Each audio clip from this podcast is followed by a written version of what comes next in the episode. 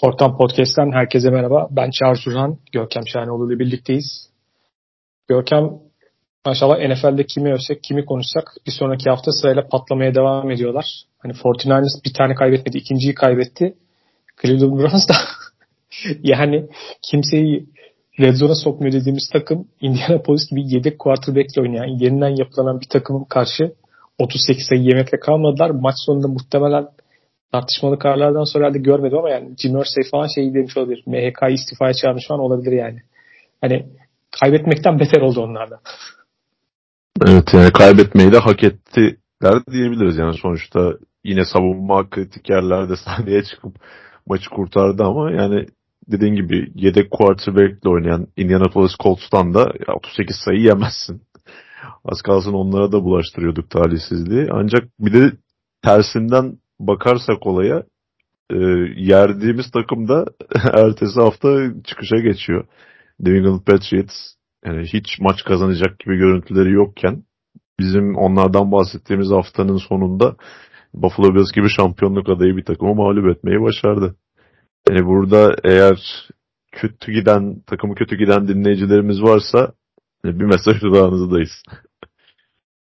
Ona göre yani buradan bahis tavsiyesi yapmıyoruz ama anlayana. Aynen öyle. Bu arada yani belki çok kapsamlı bir vakit ayırmayacağız belki bilmiyorum belki sezonun genişliği itibariyle ama Minneapolis olsun yani sezonun kendi çapındaki güzel sürprizlerinden bir tanesi olduğunu düşünüyorum. Çünkü maalesef Anthony Richardson sezon çok erken kapattı ki oynadığı dönemde gerçekten ilgi çekici ve heyecan verici potansiyelinden bir şeyler sunmuştu. Kesinlikle daha çok oynamaya ihtiyacı olan, tecrübe kazanmaya ihtiyacı olan bir oyuncu sezonu erken kapatması çok kötü oldu. O ayrı konu.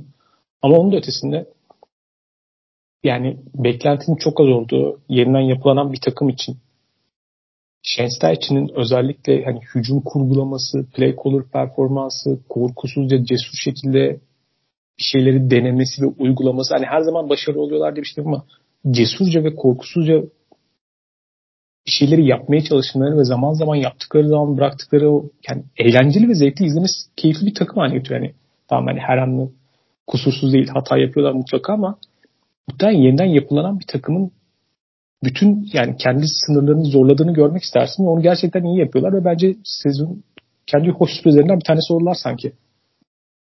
Çok doğru. Özellikle bulundukları konum itibariyle zaten e, çok bir beklenti yoktu Indianapolis Colts'tan. Ancak e, Shane Steichen şu ana kadar göstermiş olduğu performansla doğru bir e, işe alım olduğunu bence net bir şekilde gösteriyor. Onun adına talihsiz bir durum olarak işte Anthony Richardson'ın sezonu kapatması çok ön plana çıktı. Çünkü e, bahsettiğim gibi çok beklentinin olmayışı ve Anthony Richardson gibi bir proje quarterback'e sahip olmaları onları bu proje quarterback'i eş zamanlı olarak geliştirebilme açısından kusursuz bir noktaya koymuştu. Yani beklenti yok ama e, aynı zamanda bu quarterback'i oynatarak da işte tecrübe kazandırabilecekleri bir noktadalardı. İyi de başlamışlardı bu uğurda aslında. Her ne kadar Anthony Richardson oynadığı her maçta e, çeşitli sakatlıklar yaşamasına rağmen belli bir noktaya kadar bayağı umut veren bir görüntü de ortaya koymuştu. Ancak onun e, pas attığı omuzundan sakatlanıp sezonu kapatması zaten hedefi olmayan takımı daha da hedefsiz bir duruma getirdi. Böyle bir durumda e, oyuncuları motive etmeyi geçtim. Yani takımı bir arada tutmak da çok kolay olmayabilir zaman zaman. Bu açıdan Shane Steichen'ın başardığı iş gerçekten takdire şayan. Çünkü yani sezon başından beri çeşitli sıkıntılarla mücadele eden bir takımdı. İşte bazı oyuncuları yine birçok takımda gördüğümüz üzere bahis olaylarından dolayı ceza aldı. İşte en son e, Grover, Stuart Grover mı defensive tackle'ları e, yine başka bir nedenden dolayı ceza aldı. Zaten çok e, kaliteli bir kadroya sahip değiller. Jonathan Taylor'ın sezon başındaki işte e, kontrat olayı, holdout'u vesaire. Neşen Steichen da bayağı bir şeyle uğraşıyor aslında bu sezon. Buna rağmen e, hücum anlamında özellikle çok iyi gözükmeleri eldeki kısıtlı kadroya rağmen çok etkileyiciydi. Bu sezonki çaylak oyuncuların performansları da çok iyi. Özellikle Josh Downs'un son birkaç haftadır göstermiş olduğu performans E, üçüncü turda draft etmişlerdi onu. En iyi çaylak receiver'lardan birisi olarak gözüküyor. Yani doğru e, koçla yeniden yapılanmaya başladılar gibi iyi izlenim var.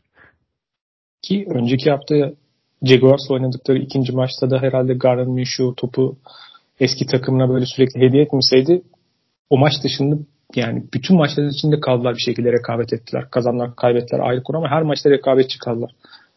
Ve çok etkileyici açıkçası. Yani Şensler için performans ki geçen sezon Philadelphia'da gösterdiği performansla bu ligde hücum koordinatörü play caller performansının ne kadar ayrıştırıcı olabileceğini gördüğümüz için o konuda gerçekten kendini ayrıştıran bir yere geldi. O yüzden Indianapolis Colts'un geleceği için bence çok iyi bir gösterge oldu şu ana kadar ama tabii Anthony Richardson durum keyifsiz. Bu arada benzer bir deneyimi yaşatan başka takım var ve yani Shane için ve Anthony Richardson'dan böyle bir şey olabileceğini belki düşünebiliyorduk yani. Arizona Cardinals'ın benzeri performans göstermesini bekliyor muydun? Hiç beklemiyordum. Hatta e, sahip oldukları dereceyi kesinlikle yansıtmayan bir takım olarak görüyorum ben Arizona Cardinals'ı. Sezon başlangıcında Kyler Murray'nin de işte sakat listesinde olmasıyla beraber ve kadronun da bayağı bir boşalmış olmasıyla birlikte Arizona Cardinals'la alakalı kimsenin hiçbir beklentisi yok. Yani en büyük beklenti birinci sırayı almalarıydı önümüzdeki yılın draftında. Ve yani Caleb Williamson kesin adresi olarak gözüküyordu Arizona Cardinals. Sezon başında hatta bizim de kaydettiğimiz bir bölümde işte Colt McCoy'u da takımdan kesmeleri, işte Joshua Dobbs'ı takasla takıma getirmeleri falan böyle çok enteresan en azından o dönemde kağıt üzerinde enteresan gözüken hamleler yaptıklarını gördük. E ister istemez bir tanking takımı görüntüsü oluşmuştu. Ama ilk haftadan itibaren e, hem takımın ortaya koyduğu performans hem takımın koçlarının ortaya koyduğu performans kesinlikle takdire şayan. E, 7 haftada ben herhangi bir maçta böyle kayıp gözüktüklerini hatırlamıyorum. Yani çok daha büyük beklentilere sahip olan, çok daha kötü performans gösteren takımlar izledik. Arizona Cardinals kesinlikle yani 1-6'nın üzerinde oynayan bir takım. Dallas Cowboys'u en formda olduğu dönemleri de yani sezon başında herkesi e, ezerek geçtikleri özellikle savunma performansıyla gittikleri o dönemde mağlup etmeyi başarmışlar. Hem de iki skor farkla mağlup etmeyi başarmışlardı. Yine Giants'ı yeniyorlardı. Geçtiğimiz hafta Seattle Seahawks'a karşı e, iyi bir performansları vardı ilk yarıda. Yani kalitesinin çok üzerinde oynayan bir takım Arizona Cardinals bu sezon. Ve Arizona Cardinals'ın yani organizasyon olarak yıllardır bir beceriksiz bir yapıda olmasından dolayı yani farklı kural ihlalleri oluyor, farklı skandallar çıkıyor. İşte en son gene takım sahibinin biraz e, organizasyon içerisinde bayağı kabus gibi bir iş ortamı yarattığına dair bir rapor çıktı bir haber çıktı diyeyim. Bu tip şeylerin olduğu işlevsiz, sıkıntılı bir organizasyon yani genel olarak hani istikrarlı bir şey yapmasını beklemiyorsun. Şu anda ilginç şekilde gelecek için de iyi konumlanmış. Çünkü bir kere Houston Texans'ın gelecek yılki ilk tur draft hakkı da onlarda. Yani geleceği inşa etme adına eğer yeni bir quarterback seçtikleri durumda eğer Kyler Murray'i makul bir iyi bir paketle gönderebilirlerse bir anda onlar için çok ilginç bir pencere açılabilir ve daha da önemlisi şu anda hani ligde bulunması en kıymetli şeylerden bir tanesi olan iyi bir play caller ona da sahipler gibi gözüküyor. Çünkü Drew Petzing işte Cleveland Browns'tan geldi. Yani daha öncesi çok belki bildiğimiz, çok gözünüzde bir koç değildi. Yani isminde çok belki duyduğumuz bir koç da değildi. Yani oyun planlarına bakıyorsun. Cesur detayları iyi uygulayan hani eldeki malzemenin gerçekten taşın suyunu çıkan ve yani hani Abi savaşması bir takım başka bir şeydir. Savunmada mücadele etmesi, bir yere koşması, bir şeyleri yapmaya çalışması ama maçtan maça rakibe göre farklı hücum planları, farklı şeyleri sahaya koymaya cesaretini göster ama bunu da zaman zaman oldukça iyi uygulayan bir takım. Yani bir yandan da koç etkisini de görüyorsun. Yani o da umut verici bir şey ki bu Arizona Cardinals'tan beklediğim bir şey değil açıkçası. Evet yani çok isimsiz iki tane koordinatör getirdiler takıma. Zaten Jonathan Gannon'ın ne kadar kalifiye bir e, head coach olabileceği tartışma konusu konusuyken hem savunma koordinatörü hem de hücum koordinatörü e, çok bilindik isimler değildi. Ancak her iki tarafta da gayet iyi performanslar görüyoruz. Özellikle Drew Petzing'in Josh Dobbs'la yaptıkları gerçekten benim hayal edemeyeceğim derecede. E, Josh Dobbs bir zaman geliyor öyle oynuyor ki yani bu adam nasıl bu zamana kadar takımsız kaldı ya nasıl quarterback üçtü yer aldığı çoğu takımda diye düşünmeden edemiyorum. Ve sezonun başlamasını iki hafta kala falan getirdiler değil mi? Yani hazırlık kampını bile doğru düzgün görmedi yani adam. Acayip bir şey. Evet yani roket mühendisi olduğu için hani biraz zeki playbook'u çabuk kavramıştır Joshua Dobbs ama yani sonra paylaştığı videolardan falan onun da ne kadar makara bir adam olduğunu da gördük. Yani çok da yakından tanımıyorduk. Yani ben onu Tennessee'de oynadığı dönemden biliyorum aslında SEC'de ama yani hiç bu noktalara kadar NFL'de hayatta kalabileceğini hayal etmemiştim gerçekten. Yani gerçek yani eğer ısrar ederlerse bu koç grubunda işte Jonathan Gannon'ın da mesela bu kısıtlı kadroyla yaptıkları ortada o sezon başı takıma yaptığı konuşma videosunda hani biz de dalga geçmiştik. Çok e, fake duruyordu yani ama geldiğimiz noktada az malzemeyle çok iş yapma ve o disiplini sağlama konusunda onun da hakkını vermek gerekiyor bence. Çekici takımlardan bir tanesi onlarda. Asıl ana menüye gelecek olursak da özellikle yani bunu konuşmak için beklediğimiz iki tane takım var. Bunlar, takımlardan iki tanesini konuşacağız bugün özellikle ama bunları konuşmak için biraz daha açıkçası daha ciddi testlerden geçmesini biraz daha görmeyi istedik. Bir tanesi Philadelphia Eagles. Onu bir sonra konuşacağız ama diğeri de haftanın yani hakikaten en sansasyonel galibiyetini alan e, Vikings öyle diyebiliriz ama yani günün sonunda Detroit Lions gibi çok sıkı bir takımı paramparça eden ki sen o maçta yorumcuydun. Baltimore Ravens Baltimore Ravens şu açıdan ben çok etkili. Bir kere yani ben her zaman organizasyon olarak kendi kültürü, kendi yetkinliği açısından hep böyle NFL'deki pek çok takımdan daha iyi, daha istikrarlı bir yapıdır. Kendine farklı rekabet etme yönlerini, kendine avantaj sağlamanın yollarını bulur. Yeniden yapılanmaları hep çok iyi yapar. Yani farklı felsefede takımları çok dönüşümleri, onların arasındaki dönüşümleri çok iyi yapar.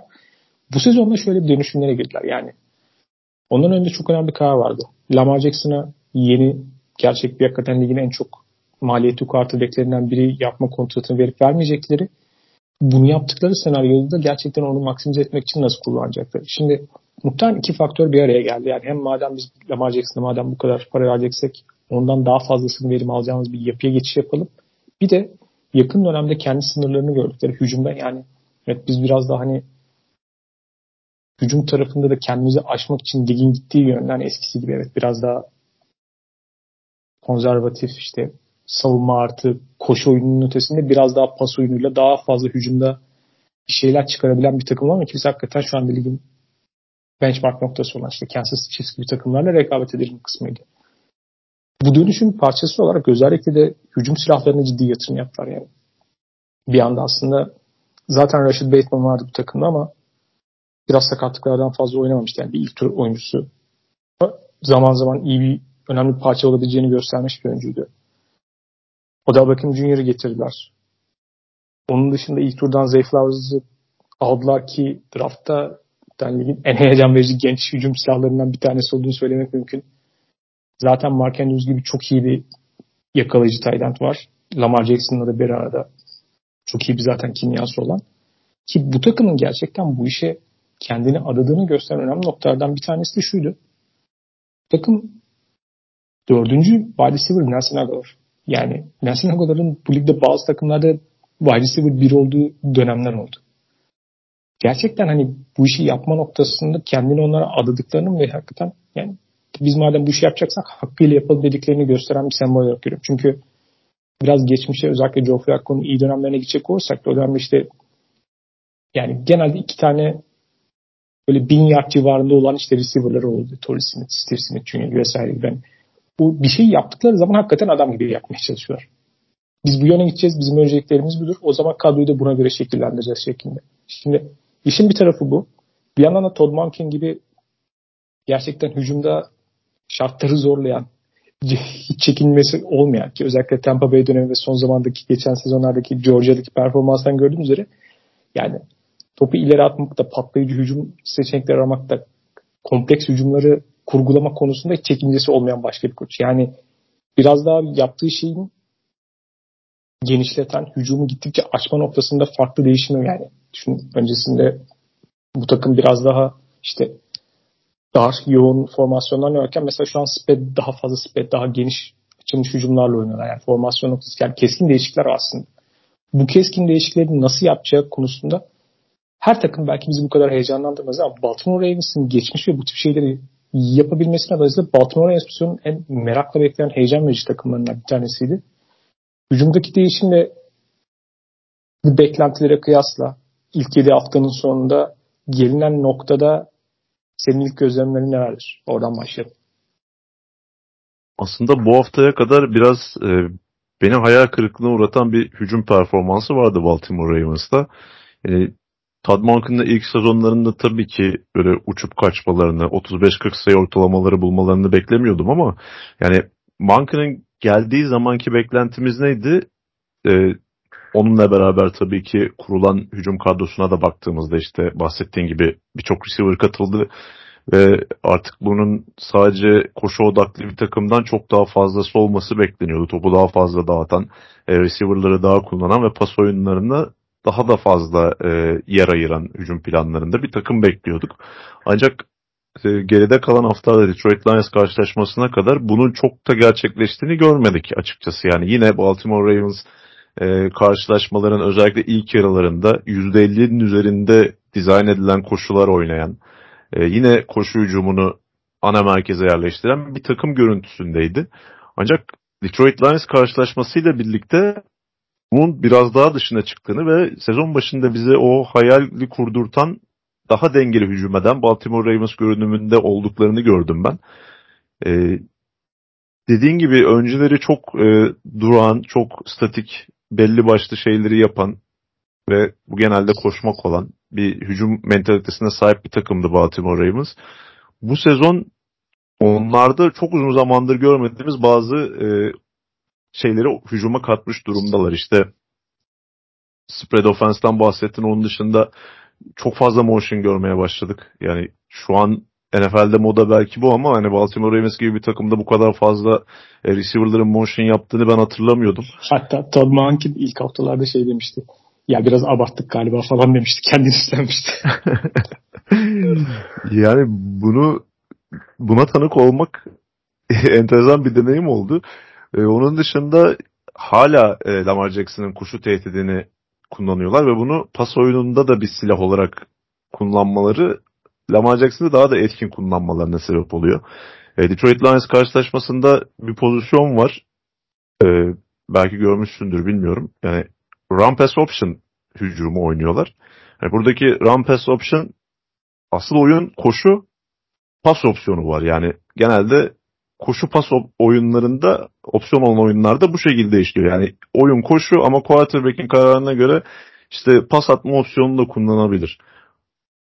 E, line'ın uzak tarafından bir tane oyuncu motion yapıyor. O motion'la birlikte e, snap geliyor ve o şekilde release ediyor. Zay Flowers'tı yanlış hatırlamıyorsam. E, Lamar Jackson da pası aldıktan sonra koşu opsiyonu, pas opsiyonu bir daha pas opsiyonunu kullanıp koşacağı noktada kaldırıp pas atıyor. Yani işi o kadar komplike bir noktaya getirdiler ki bu yani Lamar Jackson'ı Baltimore Ravens hücumundan benim hiç görmeyi beklemediğim bir şeydi. E, o açıdan Lions karşılaşmasında çıktıkları nokta beni tatmin etti. Zaten karşılaşmada muazzam bir hücum performansı gösterdiler. E, maçı bitirdiklerinde bu oran kaçtı bilmiyorum ama yani ilk yarıda oyun başına 12-13 yard falan alıyorlardı ortalama. Zaten Lamar Jackson kariyerinin en iyi maçlarından, en efektif maçlarından bir tanesini oynadı. Yani önemli olan bunu daha ne kadar sürdürebilecekler. Bu sadece bir maçlık bir şey miydi? Çünkü şöyle de bir şey var. Detroit Lions'a çok iyi hazırlanmışlar. Bunu e, maçı izlediğiniz zaman net bir şekilde anlayabiliyordunuz. Yani o savunmanın zaaflarını nasıl kullanabileceklerini iyi analiz eden bir Baltimore Ravens hücum ekibi vardı. Ee, Şenel hücumlarında daha fazla gördüğümüz işte o drift konseptleri, sail konseptleri çok fazla kullandıklarını gördük ve bu sayede e, o orta ve uzun mesafelerde sahanın ortasında kırılan rotalarda e, Lions linebackerlarının coverage e, zaafını çok iyi kullandılar. İşte Zay Flowers'ın Rashad Bateman'ın buralarda yakalayıp e, kazandırdığı fazla yardlar vardı. Yani karşılaşma bir ölçüt olur mu o konuda çok emin değilim ama önümüzdeki haftalarda Baltimore Ravens hücumunu daha da yakından takip etmek gerekecek çünkü vaat ettikleri potansiyel Lamar Jackson'ın da e, savunulamaz bir oyuncu olması itibariyle çok büyük. bahsetmiyorum ama potansiyel yani. Potansiyeli çok acayip bir takım bu. Şimdi şöyle düşünüyorum. Bir kere hücum daha da geniş bir potansiyeline ulaştırmak için yapılmış galiba işte. Todd Monken'ın da daha kompleks şeyleri uygulama isteği var. Hatta sezon başındaki ilk izlenimlerim benim şöyle biraz. Farklı şeyleri arada yaptıklarında nüanslarda böyle güzel şeyler gösteriyorlar ve daha fazlasını genişlettikleri dünyada bu kadar karmaşık bir şeyi ne kadar uygulayabilecekler. Çünkü özellikle hücumları bu tip şeylerin oturması belli bir zaman alıyor. Yani ilk sezonda quarterback, yeni hücum koordinatörü, bambaşka sistem, aynı zamanda pek çok yeni parça çok kolay değil yani. Bu sezonla alakalı en önemli soru işaretlerinden bir tanesi buydu. Şu an çok önemli avantaj yani. Lamar Jackson artık temelde koşucu bir koşucu koşusu üzerinden tekte olan bir oyuncu üzerinden kurulamanın ötesinde daha geniş bir şekilde topu dağıtan, farklı silahları kullanmayı önceliklendiren, gerektiğinde de mobilitesini ve koşu tehdidinde kullanan bir oyuncu haline getirmek. Bunun dışında da zaten hali hazırda her zaman önem verdikleri koşu oyunu da tabii ki bu tehditle beraber daha da rakiplerin savunmasını zorlandı. Çünkü iyi çok iyi bir offensive line'de olan bir takım Baltimore Ravens. Sahada pek çok şey yapabilen, tahmin edilmesi zor olan ve bahsettiğin o rampes option gibi şeyleri daha da kullanarak yani bu anda bunlar pas mı oynayacak, koşu mu oynayacak, koşu oynarsa bunu böyle mi oynayacak, pas oynarsa buraya mı açacak gibi tahmin etmesi olan yani savunmayı hakikaten o kadar çok çelişkili bırakan, kafa karıştıran, zorlayan bir yapı oluşturmak. Potansiyel olarak bu. Sezon başında bunu uygularken zaman zaman iyi şeyler gösteren, zaman zaman uygulama noktasında hatalı olan bir takım vardı. Bir diğeri şu, nokta şu. Şimdi hali hazırda işin bu tarafını büyütmeye çalışan, oturtmaya çalışan bir takım olarak işte ofansif bende ciddi sakatlıkları vardı. Pek biraz orada formsuz oyuncuları vardı. Onlar biraz daha toparlanıyor gözüküyor. Wide receiver grubu gene klasik olarak sakatlar vardı. Onlar biraz daha dönmüşe benziyor. Onların biraz yavaş yavaş oturma faktörü var. Bir diğer faktör Lamar Jackson'ın hani eskisine kıyasla daha net bir karar verici olması gerekiyor. Yani ben bunu ilk duyduğumda hazırlık kampı döneminde çok şaşırmıştım. Lamar Jackson kendisinin de hücumun tasarımı noktasında daha fazla e, girdisinin olması daha fazla dinlenmesinden memnun olduğunu söyleyen, olduğunu gösteren bir şeyler söylemişti. Nasıl yani? Yani quarterback birlikte. Starter quarterback'i hani dahil etmiyor musunuz bu işin nasıl olacağını? Yani en önemli parçası ne olur? Yani onun etrafına şekillendirsen şey. Mesela Greg Roman döneminde biraz anladığım kadarıyla böyleymiş. Todd Monken döneminde çok Todd Monken ama çok daha fazla hani yetki ve sorumluluk vererek bir şey yapıyor. Mesela bunu şaşırmıştım. Beklemiyordum açıkçası. Bu da işin daha başka bir parçası. Yani quarterback'in de çok farklı bir dönüşüm geçirmesi gerekiyor ki halihazırda Baltimore Ravens'in verdiği kontratta zaten bunu gerektiriyor biraz artık. Başarılı olabilmeleri için. Lamar Jackson'ın da bu sistemde daha da büyüyeceği bence aşağı yukarı biraz belli oldu. Çünkü e, artık lige geldiği zamanki Lamar Jackson'la günümüzdeki Lamar Jackson arasında ciddi derecede bir fark var ve yani bunu onu izlediğiniz her karşılaşmada hissedebiliyorsunuz özellikle yani e, Todd Monken'ın sisteminde daha çok e, pasör özelliklerini de kullanması gerektiğini zaten bekliyorduk. Lions maçındaki Aguilar'a attığı taştan pası mesela bunun en net örneklerinden biriydi bana kalırsa. Yani orada e, gelen baskıya rağmen cebin içerisinde bayağı bir uzun durdu. E, devamında sağ tarafına doğru açıldı. Neredeyse bir 8-9 saniye hatta 10 saniyeye kadar topu elinde tuttu. Yani 2019'daki 4 sene önceki Lamar Jackson orada o cebin dışına çıktıktan sonra kafasını indirip koşmaya başladı. Zaten e, red zone içerisinde de en da çok yakın bir pozisyondulardı. Ancak o 10 saniyenin tamamında hani belki bir iki saniyesinde böyle gelen baskıda kafasını çevirmiş olabilir. Gözleri sürekli derin, derin sahadaydı. Cebin dışına çıkarken de böyle ve orada eski Lamar Jackson'ın koşacağı alan da olmasına rağmen gözünü bir kez bile ayırmadı ve Nelson Aguilar boşa çıktığında tetiği çekip pas attı. Yani bu da oyuncunun e, ne kadar geliştiğini ve bu sistemde de başarılı olabileceğini gösteren bir kanıttı bence.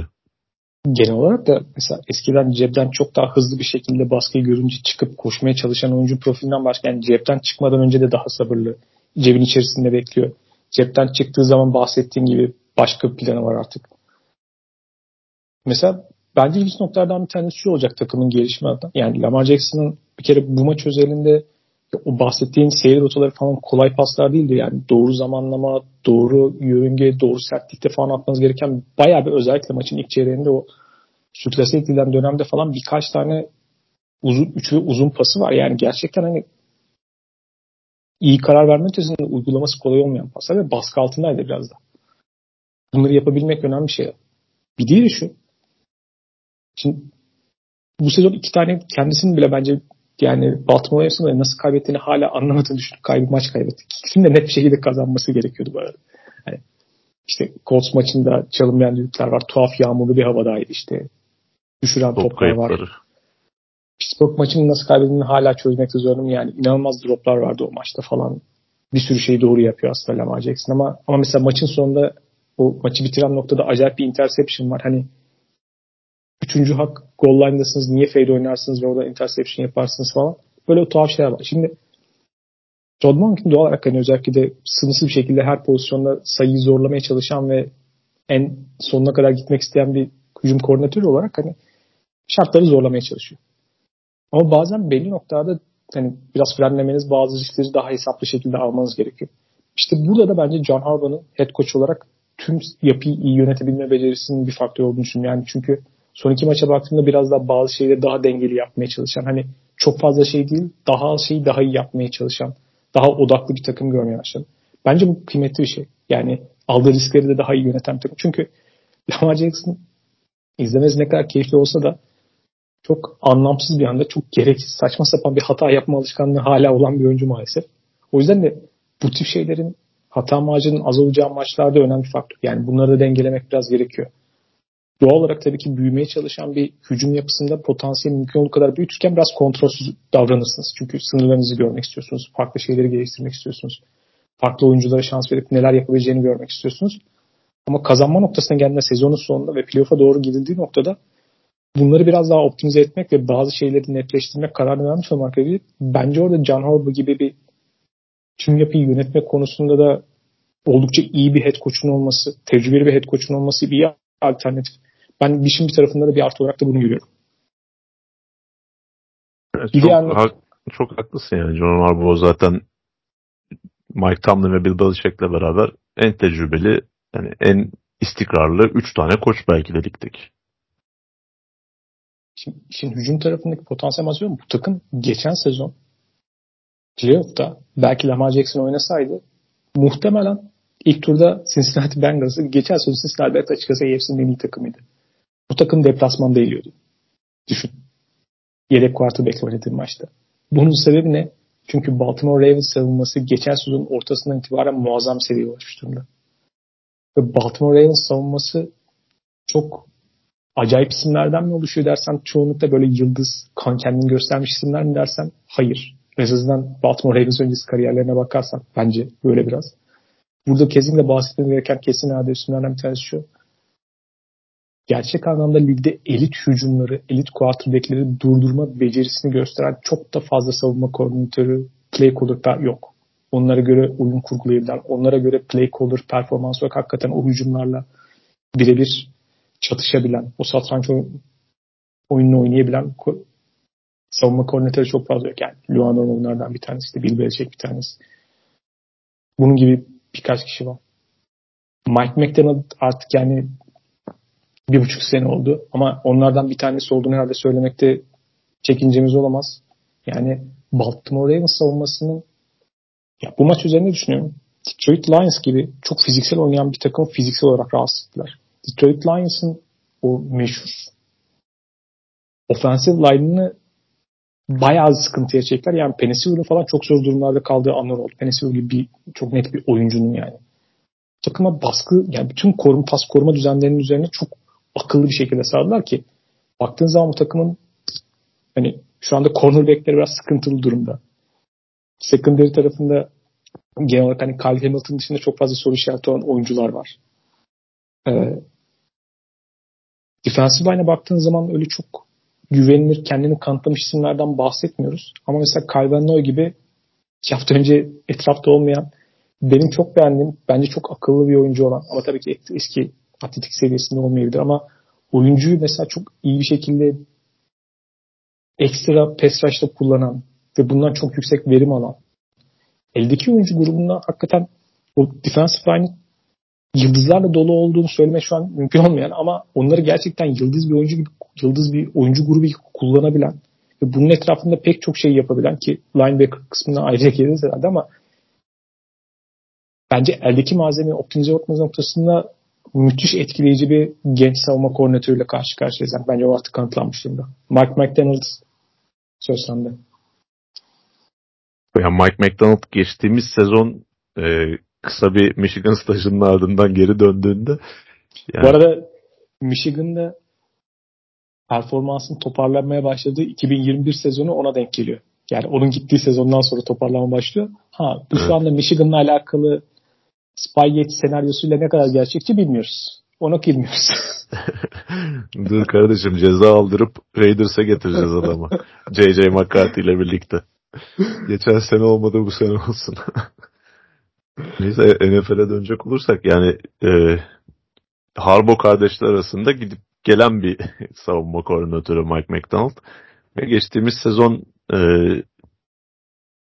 Wink Martindale'ın yerine bu takıma getirildiğinde ortaya nasıl bir şey çıkacağı bayağı bir merak konusuydu. Çünkü e, çok farklı tarzlar.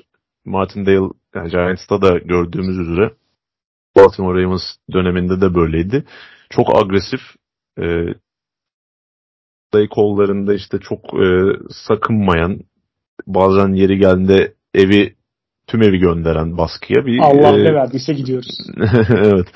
Savunma koordinatörüydü. Öte yandan Mike McDonald e, böyle biraz daha komplike yani nasıl hücum tarafında Todd Monken'dan bahsettik. Savunmada da aslında Mike McDonald'la biraz daha böyle modern e, NFL'e uyum sağlayan daha komplike bir savunma sisteminden bahsetmek mümkün. E, benim de en çok dikkatimi çeken ve takdirimi toplayan nokta elindeki kısıtlı malzemeyle yani linebacker'ları bir kenara bırakalım. Hem secondary hem de defensive line'daki kısıtlı malzemeyle ortaya koyduğu bu başarı Mike McDonald'ın. Çünkü sezon başında e, sezondan beklentilerimizi konuştuğumuz bölümde buna değinmiştik. Eldeki pass rusher potansiyeli çok kısıtlı gözüküyordu Baltimore Ravens'ın ve yani Baltimore Ravens'da son 20 senedir belki 30 senedir bu konuda hiç sıkıntı yaşamayan bir takımdı işte Terrell Saks'lar vesaire onların başı çektiği her zaman bu takımın iyi birkaç tane edge rusher'ı oluyordu. Yani burada e, sadece David Ojabo ve Odafe Ove'ye güvenerek yola çıkmış bir takım görüntüsü vardı ki ikisi de sezon başında sakatlandı zaten. E, bunun bir getirisi olarak da sokaktan Jadavion Clowney ve Calvin Noy'u aldılar. Ve ikisi de inanılmaz performanslar gösteriyor. Yani e, ben Clowney'i böyle göreceğimi aklımın ucundan geçirmezdim. Kesinlikle, kesinlikle. Yani Clowney 2014 draftıydı sanırım değil mi? Yanılmıyorum. Birinci sıradan draft edildiğinden itibaren hiçbir zaman şu sezon yani şu kadar kısıtlı sürede Baltimore Ravens'ta gösterdiği pass etkinliğini kariyerinde göstermiş bir oyuncu Aslında olmayabilir. Hiçbir zaman yani o gösterdiği aradaki flashlar dışında istikrarlı potansiyelinin hakkını veren bir oyuncu olacağını hiç ikna etmemişti hiçbir yerde. Üstü, o yüzden de her yıl bir yerde dolanmaya başlamıştı üstüne ayrıldıktan sonra. Bir de yani pass rusher olarak gelmesine rağmen hiçbir zaman o çift taneli sayılarına ulaşacak e, pass ışığı vermedi. Yani tamam koşuya karşı çok iyi bir savunmacıydı her zaman. İşte setting'de edge konusunda ligin en iyi defensive endlerinden olduğu dönemler vardı. Ancak o pass rush e, katkısını o oyuna hükmeden pass rusher özelliklerini hiçbir zaman görmedik. Hani Baltimore Ravens'taki geçirdiği kısıtlı sürede tüm kariyerinin toplamından çok daha etkin bir şekilde pass rush yaptığını görmek mümkün. Carl Van Noy zaten kariyeri boyunca istikrarlı bir oyuncuydu. Ondan da yine verim almaya başladılar. İşte secondary'de çeşitli sakatlıklarla uğraştılar. Marlon Humphrey ilk defa tam maç oynadı Detroit Lions'a karşı. İşte Marcus Williams hala sakat. Bu secondary'nin önemli oyuncularından birisi olması bekleniyordu. E, defensive line'de yine çok ismini bilmediğimiz oyunculardan oluşan bir e, ekip var ama işte Justin Madubuike bu sezon öne çıkıyor. E, tri teknik pozisyonundan çok ciddi katkı verdi. Takımın sek lideri yanılmıyorsam şu an. En son Kyle Hamilton'da ama onu geçmiş olması lazım. Kolektif bir e, başarı var şu an Baltimore Ravens defansında. Ligin e, sek lideri konumundalar ve yıldız bir edge sahip olmadan bunu başarmış olmaları çok e, enteresan bir durum bana kalırsa. Ve Detroit Lions maçına gelirken 11 farklı oyuncudan sek katkısı alan bir takımdı. Yani bunu da tüm savunmaya yaymış durumdalar. Bu da işte Mike McDonald'ın e, baskı şemalarının ne kadar efektif bir şekilde işlediğinin bir göstergesi. Yine Detroit Lions maçında da çok yakından bunu görme fırsatım oldu.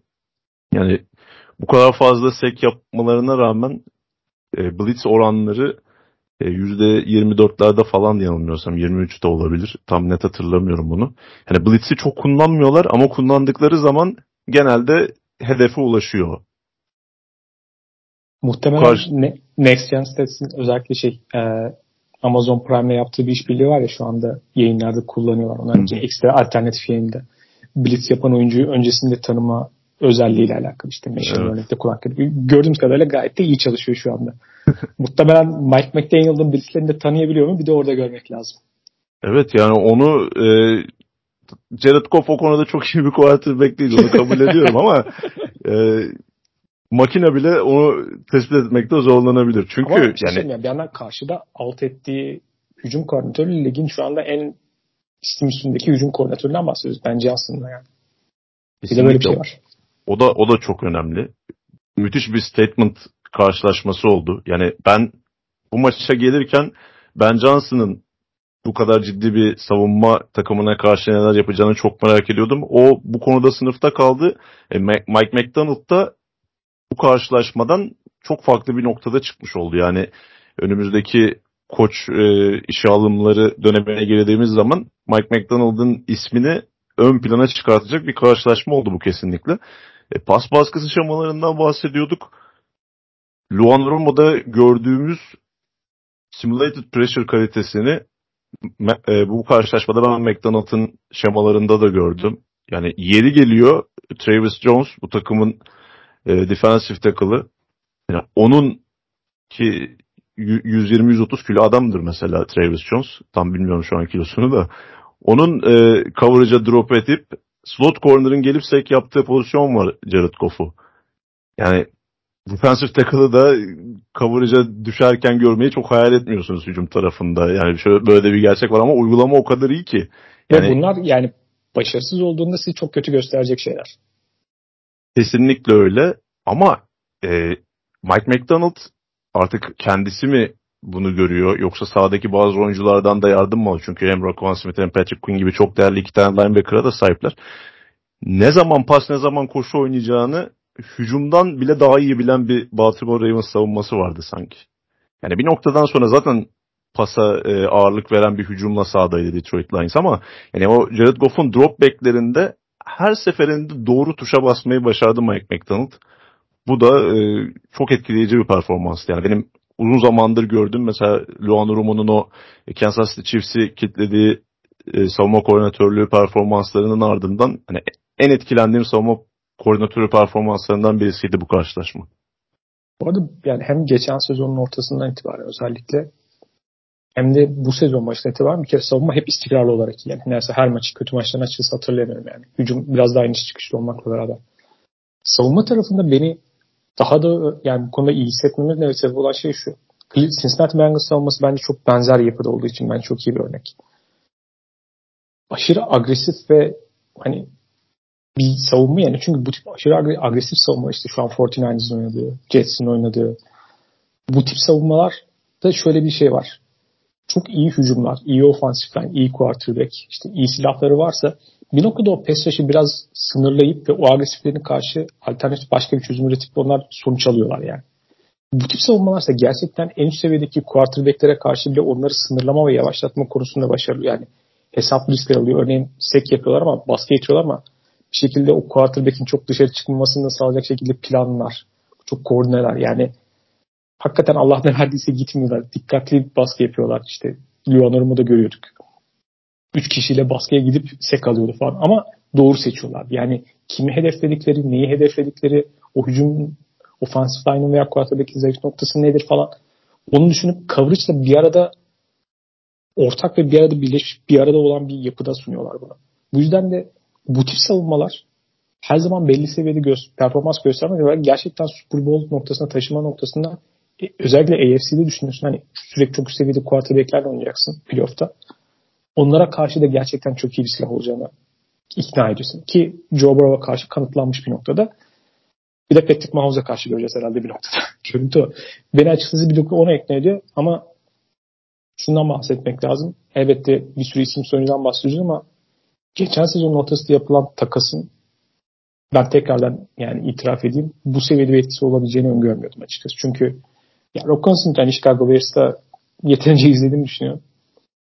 Bu kadar çok yönlü bir linebacker beklemiyordum. Yani çok daha line'e yakın oynayan, evet fiziksel oynayan, hani zaman zaman işte belirse çıkan, çok koşuyu durma noktası iyi bir oyuncu ama onun coverage'da, pass coverage'da bu kadar etkili olabilen, bu kadar farklı yönlerini kullanan yani bir yandan da hakikaten o defensive line'da alternatif işte pass rusher olma noktasında sahanın ortasını kapatma noktasında ki orada arkada bir de Kyle Hamilton'la beraber o da tabii büyük uzun bir oyuncu olduğu için kolları da uzun yani hakikaten geniş bir alanı ikisi bir arada orta sahanın ortasını kapatıp geri kalan pass coverage'da kaynakları hakikaten sahanın geri kalanına yayma fırsatı elde ediyorlar. O ikisi orayı müthiş kapatırken hani biri önü biri arkayı bir de şöyle bir şey oldu hani sezonun yani geçen sezona kadar bu sezona kadar performansı biraz daha tartışılan bir ilk tur seçimi olarak Patrick Quinn diğer linebacker. Bence ligdeki şu andaki önemli gördüğümüz şeylerden bir tanesi hakikaten linebacker'lar ikili olarak genelde bir şey ifade ediyorlar. Çok iyi linebacker grupları. Bir anda linebacker bir olarak Patrick e, Rokan Smith'in performansı o kadar üst seviyede ki bunu tamamlayıcı ve istediği yere daha serbest bir şekilde davra gitmesini sağlama noktasında Patrick Quinn rahatlatan onun da performansını üste çıkaran ve takımın genelini hakikaten havasını değiştiren ve bir anda evet geçen sezon ortasına kadar eldeki malzemeden bir şeyler yapmaya çalışan bir takımdı. Tabii ki kes, o bahsettiğin Wink Martin denilen sonra keskin değişikliği uygulamaya çalışan bir takımdı ama Rokon Smith'in gelmesiyle beraber bir anda ya işte bu takımın cornerları zayıf, işte şunlar yok, pass rusher yok bilmem ne falan derken bir anda her şeyin tak diye oturduğu bir anda başka bir seviyeye çıktı her şey. Yani her şey aniden oturmaya başladı bir anda. Öyle de bir etkisi var. Hakikaten yani linebacker için hem ikinci tur draft hakkını veriyorsunuz bir de ona ciddi bir kontrat vereceksiniz. Niye yapıyorsunuz böyle saçma bir şey diyordum. Yani NFL tarihindeki en azından gördüğüm en yanıldığım şeylerden bir tanesi olmuştur benim. Rokon Smith'in de hakikaten özel bir etkisi var en azından. Onu da söylemek lazım. Yani Rokon Smith şu an zaten Fred Warner'a ligdeki en yakın linebacker muhtemelen. Çünkü Fred Warner'ın oyununda gördüğümüz her şeyi yapan, üstüne e, savunmayı organize eden ve quarterback'i okuyan oyuncu profilini Rokon Smith'te de net bir şekilde görüyorsunuz. Yani bir pozisyonda e, blitz yapıp diğer pozisyonda interception'ın kıyısından döndüğü anlar oluyor. E, yine atletik yeteneklerinden dolayı sahanın çok büyük bir alanını kaplayabiliyor ve bunu çok hızlı sürede yapabiliyor. Yani defansınızın ortasında böyle bir oyuncu olduğu zaman geriye kalan işler diğer 10 oyuncu için daha da kolay bir hale geliyor mutlaka. Yani Patrick Queen'e e, yaptığı etki de bu açıdan muazzam yani dediğin gibi. Çok ilgi çekici bir takım olması ötesinde bence playofflardaki en yani tavanı geri kalan takımlardan bence biraz daha ayrışan bir takım. Hem hücum hem savunma tarafıyla birlikte. Ne olacaklarını çok merak ediyorum. Çünkü e, orada işleri karıştırma potansiyeli ama Baltimore Ravens playoff'lara gittiği zaman orada ne yapacağını hep bilen bir takım olmuştur. Yani oranın kurallarına göre oynadığın zaman yani orada patlayıcı hücumlar o kadar her zaman zorlanmaz. Biraz daha düşük skorlu, daha e, savunmanın biraz daha ön plana çıktığı maçları oynamak da bir beceridir. Baltimore Ravens'in öyle bir geçmişi var. O işi bilen bir koçu var. Orada pek çok oyuncusu var. Baltimore Ravens'ın sanki hali hazırdaki en net AFC'deki şampiyonluk adayının Kansas City Chiefs olduğunu düşünecek. Yani onlara karşı en büyük tehdit olduğunu düşünüyorum ben. Miami Dolphins'ten bile. Bilmiyorum katılır mısın?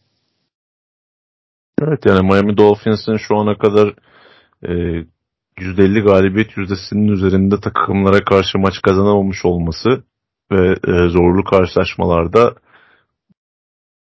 daha önceki gördüğünüz performanslarının bayağı altında performans göstermeleri ciddi bir soru işareti yaratmış durumda. Yani AFC'de contender olmasını beklediğimiz birçok takım şu an hayal kırıklığı yaratıyor Kansas City Chiefs dışında. İşte Bengals'ın hali ortada, Bills'ın hali ortada. Dolphins biraz e, umut vadeder biçimde başlamıştı. Ancak onlar da ne kadar e, gerçekçi bir takım ona da emin olamıyoruz. Yani Baltimore Ravens bu konuda daha güvenilir bir takım gibi duruyor. Ya playoff yapacaklardır diye düşünüyorum. Hala çok zorlu bir grupta oynuyorlar. Kimse burada %50'nin altında değil. İşte Pittsburgh Steelers ne kadar kötü gözükse de maçları kazanmaya devam ediyor. Herkesin iyi savunması var. Cleveland Browns QB'siz oynamasına rağmen e, maçlarını kazanmaya devam ediyor. E, playoff dışı bir ihtimali düşünmek istemiyorum. Ama playoff'ta e, bu konferansta kimsenin oynamak istemeyeceği bir takım olacaktır Baltimore Ravens. E, yani e, o noktadan sonra her şey mümkün yani Super Bowl neden olmasın. Baltimore Ravens defterini şimdi kapatıyoruz. Diğerleyen haftalarda belki gidişata göre daha da fazla özellikle kendi divisionlar içerisindeki maç oynadıktan sonra biraz daha durum netleşir onlar adına. Süre aslında konuşmak için beklediğimiz biraz daha adam gibi takımla oynayın da onu görelim diye beklediğimiz takıma geçiyoruz. Haftanın diğer muhtemelen önemli maçı. O yüzden Miami Dolphins'e karşı Philadelphia Eagles'ı biraz daha net bir testte görmek istemiştik. Ondan sonra söz konuşmak istemiştik. Ki onlar da geçen hafta şu, yani kendilerinde nasıl kaybettiklerini anlamadıkları maçı kaybettikten sonra etkileyici bir galibiyet aldılar demek yanlış olmaz herhalde. Miami Dolphins'e karşı çünkü o hücumu sınırlamak başka bir şey. Şimdi Philadelphia Eagles'la alakalı kadro geçen sezonki pek çok şeyi devam ettiren bir takım. Hani ve o kadar farklı pozisyon gruplarında ve özellikle de maçın gidişatını etkileyecek pozisyon gruplarında o kadar üstün bir takım ki yani muhtemelen ligde hiçbir takımın sahip olmadığı kadar farklı kazanma yoluna sahipler. Yani offensive line'ların çoğu için koşu oyunuyla veya gidebiliyorlar. Quarterback'leri artı wide receiver grubunu düşünüyorsun. Pas oyunuyla sana yapıtabilir. Defensive line acayip bir grup yine o tamamen maçı domine edebilir. Şimdi bunlar ve her maçı bazen çok sezonu şu ana kadar belki görüntü olarak çok ikna etmeseler de beklentilere kıyasla o kadar çok farklı kazanma yoluna sahip bir takım ki bir noktada yani her şeyi doğru yapmanız bir de onların bazı hatalar yapması falan gerekiyor onlara karşı kazanamamanız için. Ama tabii şu anda dair onlar çok konuşulan konu tabii ki onlar dediği ki en önemli şey olan offensive line ve müşür yasaklanması istenen ligdeki geri kalan 31 takım belki yasaklansa itiraz etmeyeceği tuş push mu Brotherly Show mu? Hangisini tercih ediyorsun? Brotherly Show'u bu hafta duymaya başladım. Daha önce hiç duymamıştım ama bir, Tuş Push'tansa evet, Brotherly Show daha böyle Philadelphia'ya da uygun bir isim gibi. Ya orada biraz şey tuhaf bir şey var. Bilmiyorum sen ne düşünüyorsun? Yani teorik olarak evet yani sonuçta oyuncuyu itmen çünkü bahsedilen şöyle bir tartışma konusu var. İşte bu Amerikan futbolunun oyunu değil. Rugby oyunu gibi bir şey. Rugby diyorsunuz işte quarterback'i arkadan çalıyor. Yani standart bir QB sneak'ten bahsetmiyoruz. İşte normalde aslında şöyle bir oyuncuyu itmek sonuçta şey değil. Kural dışı değil. Sonuçta bazen hakikaten bir kaotik bir şey oluşuyor. Topu taşıyan oyuncu running back'i herkesin ittiğini görürsünüz yani. Hakemlerin durduğu ne zaman durduracağına bakıyor. Veya ama normalde bir oyuncuyu yardımla mesela kucaklayıp, kucaklayıp götürseniz illegal bir şey oluyor. Bu tip böyle bir çelişkili bir durum var yani. Sonuçta oyuncuya yardım etmenin belirli sınırları falan var ama o kurallar içinde hala kalan bir şey. Geri kalan takımlar tabii bu, bu seviyede uygulamadığı için böyle şey. Bu arada geçen dinlemiştim. Ee, Jason Kelsey kendi podcast'te bahsetmişti. Özellikle rakiplerin bunu durdurmak için neler yapabileceğini kullanmak için işte takımın meşhur offensive line koçu Jeff Stoutland İskoçya'dan bir tane rugby koçu getirmiş uzman bu konuda. Ondan böyle alternatif bunu durdurmanın yolları nedir falan hani farklı şeyler oyunu mükemmelleştirmek için de farklı şeyler aslında bir şeyler düşünüyorlar yani hazırlanıyorlar. O da şey demiş böyle bu organize bir dağınıklık, organize bir kaos falan diye böyle bağırıyormuş. Öyle bir olay bir yandan. Bilmiyorum çok birileri sürekli ona çözüm üretmeye çalışıyor ya artık. O işin alternatif çözümlerini göreceğiz. Philadelphia Eagles en azından bu haftaya kadar çok ikna etmeyen bir şampiyonluk adayıydı. Hem bu hafta hem de sezonu genel için. Çünkü onlar için de şöyle bir soru vardı. Jalen Hurst'un bir sonraki seviyeye geçişi sağlanması. Yani geçen sezon görece çok daha koşu odaklı bir oyunla ilerliyorlardı. Ama rakipler tabii ki şu an oraya daha fazla odaklanmış durumda.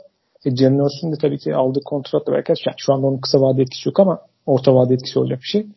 Biraz daha Jalen Hurst'un da Lamar Jackson benzeri şekilde pas oyununda daha fazla kullanacağı ve ayaklarından çok artık koluyla biraz daha hücumu yöneteceği bir yapının olması gibi plan vardı.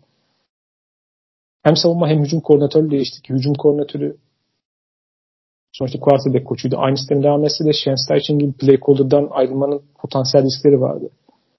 Biraz sanki burada hissedildi gibi geliyor bana sezonun bu aşamasına kadar ama bilmiyorum senin ilk izlenimlerin neler Philadelphia için? İlk olarak e, şu Brotherly Show'dan başlayayım. Yani bunu bu sezon o kadar çok tartıştım ki ben. Özellikle e, bizim NFL Discord grubundaki arkadaşlarla. Yani e, evet dünyanın en iyi görüntüsü değil. Dünyanın en iyi hücum taktiği de değil. Ama yani neden yasaklanması gerektiği konusunda hala en ufak bir fikrim yok. Yani yasaklanmayı gerektirecek bir durum olduğunu kesinlikle düşünmüyorum. Çünkü yani burada yani sakatlık riski takım, dışında ben bir şey görmüyorum açıkçası. Ya sakatlık riski de evet ama yani kaç Philadelphia Eagles iki sezondur yapıyor bunu. Bu pozisyonda sakatlanan bir tane oyuncu hatırlamıyorum. Yani Tom Brady burada... QB Sneak'le 3-1'leri alırken bir şey yoktu. yani burada en çok riske sahip iki tane oyuncu var sakatlık açısından. Bir tanesi Jason Kelsey. Olayın ortasındaki adam. Her ona üzülüyorum. Hakikaten her maç. her pozisyonda 7-8 tane adam biniyor belki. E, ikincisi de Jalen Hurts. Sonuçta arkadan itilen o ve ters durumda kalma ihtimali de yüksek olan oyuncu. Ama yani ikisinde de herhangi bir sakatlık yaşanmadı şu zamana kadar. Ha, bu sakatlık riski yok demek değil tabii ki yani. E, sakatlık riski olan bir pozisyon ama bunu yasaklayacaksanız genel olarak e, arkadan itmeleri yasaklayın. Yani bir dönem yasaktı zaten NFL'de. Evet. Hani running back'i falan da itmesinler. Ya da ne bileyim receiver'ı falan da itmesinler. Tight hiçbir oyuncu itmesinler o zaman. Çünkü aynı risk orada da mevcut. E, diğer taraftan bir tane takımın işte senin de bahsettiğin gibi İskoçya'dan rugby koçu getirip üzerinde çalışıp buna bir mesai harcayıp mükemmelleştirdiği bir hücum planını e, kusursuzlaştırmasından dolayı her maç neredeyse %100 verimle kullanmasından dolayı hadi bunu yasaklayalım demek. Yani bu bir oyunun açığıymış gibi yasaklayalım demek. Yani bu takımı cezalandırmak olur. Başka da bir şey olmaz. Çünkü sonuçta e, özellikle bu sezon Eagles dışında birçok takımın denediğini gördük. Yani şu an sayısını hatırlamam ama 5-6 kez farklı takımlar tarafından denendi. İşte Steichen Colts'ta denedi. Başarısız oldu. E, çok takım denedi. Yani Eagles dışında başarabilen de yok bunu. Yani demek ki oyunun bir açığı değil bu. Yani quarterback'in bunu e, kullanabilecek, etkin bir şekilde kullanabilecek yapıda olması lazım. İşte Jalen Hurts'un kaç kilo squat yaptığı vesaire o videoları çıkmıştı yani. E, belden altı çok kuvvetli olan bir quarterback. Mesela insanların sadece kuvvetli falan olduğunu zannediyor. Yani mesela zamanlamasına dikkat etmiyor yani. Jason Kelsey giriyor. Arkadan birileri geliyor ve mesela her zaman bir anlık bir şeyi bekliyor. Jalen Hurts'ta ondan sonra ileri gidiyor mesela. Hemen herkesle beraber snap'le beraber ileri gitmiyor yani. Orada evet, bir zamanlama yani. faktörü var. Çünkü Tom Brady de mesela Tom Brady benim gördüğüm en iyi QB'sini yapan kişiydi. Tom Brady baktığınız zaman yani atletik olarak hiçbir şey vaat etmiyor ama doğru yere doğru zamanda hareket ederdi her zaman. Bence evet, bir şey dünyanın var aslında. en güçlü QB'si dedi Tom Brady. Ben de ondan bahsedecektim. Aynen devam et. Aynen bu kadar.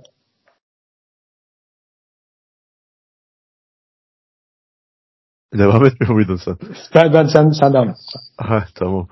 Ee, yani e, Jalen Hurts'un bunu uygulayabilmesi diğer her quarterback'in de aynı derecede uygulayabildiği anlamına gelmiyor. Bir de hani arkada iten oyuncuların olaya çok fazla etkisi de yok aslında. Yani burada offensive line'ın ve quarterback'in ciddi derecede bir katkısı var. E, şu yorumları da anlayabiliyorum. Burada en büyük katkıyı veren offensive line'ın işte olabildiğince yere yakın durması ve defensive line oyuncularının o kadar yere yaklaşamaması ve orada dezavantajlı konuma düşüyor olmaları e, anlaşılabilir bir itiraz noktası. Ama bu da yani başlı başına bu oyunu yasaklandır, yasaklamayı gerektirecek bir durum değil. Ki e, o kadar da otomatik olmadığını bu sezon gördük. Tampa Bay Buccaneers Vita ve yasa olsun. Bunu durdurmayı başaran tek takım oldu bu sezon. Ama yani e, çok kusursuza yakın uyguluyor Philadelphia Eagles ve bunu da bir silah olarak kullanmaları gayet doğal. Yani bir yarda madem bu kadar şikayet ediyorsunuz bir yarda kadar yaklaştırmayın adamları. Peki tuş puşun ötesine geçersek. Ben tuş puş daha çok sevimli geliyor bana niyeyse Brotherly Show. Daha kafiye. Brother, Brotherly Show şöyle Philadelphia tabii işte Steve Brotherly Love temasından ortaya çıkarak biraz daha legalize bir isim olarak kullanıyorlar. Tuş puş deyince ifade olarak biraz da illegal bir belki havası var. Hücum tarafının en azından sezonun ilk aşaması itibariyle çünkü Philadelphia Eagles'ın bu arada hani bundan sonra önündeki böyle bir birkaç maçlık fikstür var. Gerçek anlamda Philadelphia Eagles'ı orada biraz daha test edilmiş bir şekilde göreceğiz. Hücum tarafının bu bahsettiğimiz biraz daha pas oyunu daha efektif kullanan işte Jalen Hurst'un da daha fazla koşucudan çok quarterback gibi oynaması gereken evrimi noktasında Brian Johnson'la şu ana kadar gösterdiği performans orada sanki büyüme sancıları var gibi daha çok. Yani iyi kötüden ziyade. Bilmiyorum katılır mısın? Katılıyorum. Yani topun her iki tarafı için de geçerli bu aslında. Çünkü hani geçtiğimiz yıl Super Bowl oynayan bir takım var ve bu Super Bowl'u hem iyi savunma hem de iyi hücum performanslarıyla başaran bir takım. E bunun neticesinde de her iki taraftaki koordinatörü de başka takımlara koç olarak ayrılan e, bir Philadelphia Eagles'tan bahsediyoruz. E, dolayısıyla bir bocalama sürecinin olması kaçınılmazdı. E, savunmada da bunun benzerini gördük ilk haftalarda. Şimdi hücumda biraz daha uzun süreli görüyoruz belki. E, ama yine Philadelphia Eagles hücumuna baktığımız zaman yani tek sıkıntının aslında Jalen Hurts'un oyununu e, koşudan pasa daha fazla evrimleştirmesinin dışında biraz play calling, calling noktasında da yaşandığını görüyoruz. Yani evet e, Shane Steichen bana göre de Jonathan Gannon'dan çok daha e, değerli bir isimdi Philadelphia Eagles için. Çünkü zaten Philadelphia Eagles'ın şu an günümüzdeki Philadelphia Eagles olmasının başladığı nokta Nick Sirianni'nin hücum kollarını Shane Steichen'a bıraktığı dönemdi. Yani iki, iki sezon önce. Onun ayrılığı dolayısıyla daha da e, büyük etkilemiş durumda şu an Philadelphia Eagles'ı. Ama yine de e, her iki 20 yard arasında hücum etmekte çok da zorlanan bir Philadelphia Eagles yok. Asıl sıkıntı red zone hücumlarında. İşte red zone hücumları zaten nedir? Daha yaratıcı olmanız gereken alanlardır. Yani sonuçta işte 50-60 yardlık sahaya hücum etmekle 20 yardlık sahaya hücum etmek aynı şey değil. Alan daha da daraldığında biraz daha yaratıcılığın e, farklı şeylerin ortaya çıkması gerekiyor. E, Brian Johnson'ın şu ana kadar en çok sıkıntı yaşadığı nokta bu. Yani Red Zone'a gelince ciddi anlamda verim düşüklüğü yaşayan bir takım konumunda şu an Philadelphia Eagles ve bunu e, Jalen Hurts gibi koşu tehdidine sahip bir quarterback'e rağmen yaşıyor olmaları çok garip bence. Burada biraz hücum koordinatörünü eleştirmek gerekiyor. E, çünkü e, ilk iki haklarında genelde red zone'a girdiğinde bu takım o kadar e, konservatif play call'lar görüyoruz ki yani genelde üçü uzuna kalıyorlar.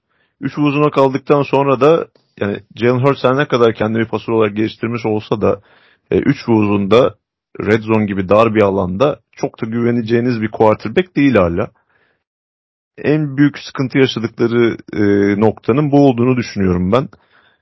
Öte yandan e,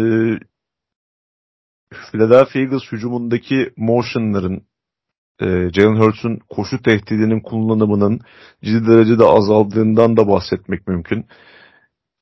Dizayn koşulları neredeyse hiç görmüyoruz. Yani Shane Steichen'la Brian Johnson arasındaki belki de en büyük fark bu.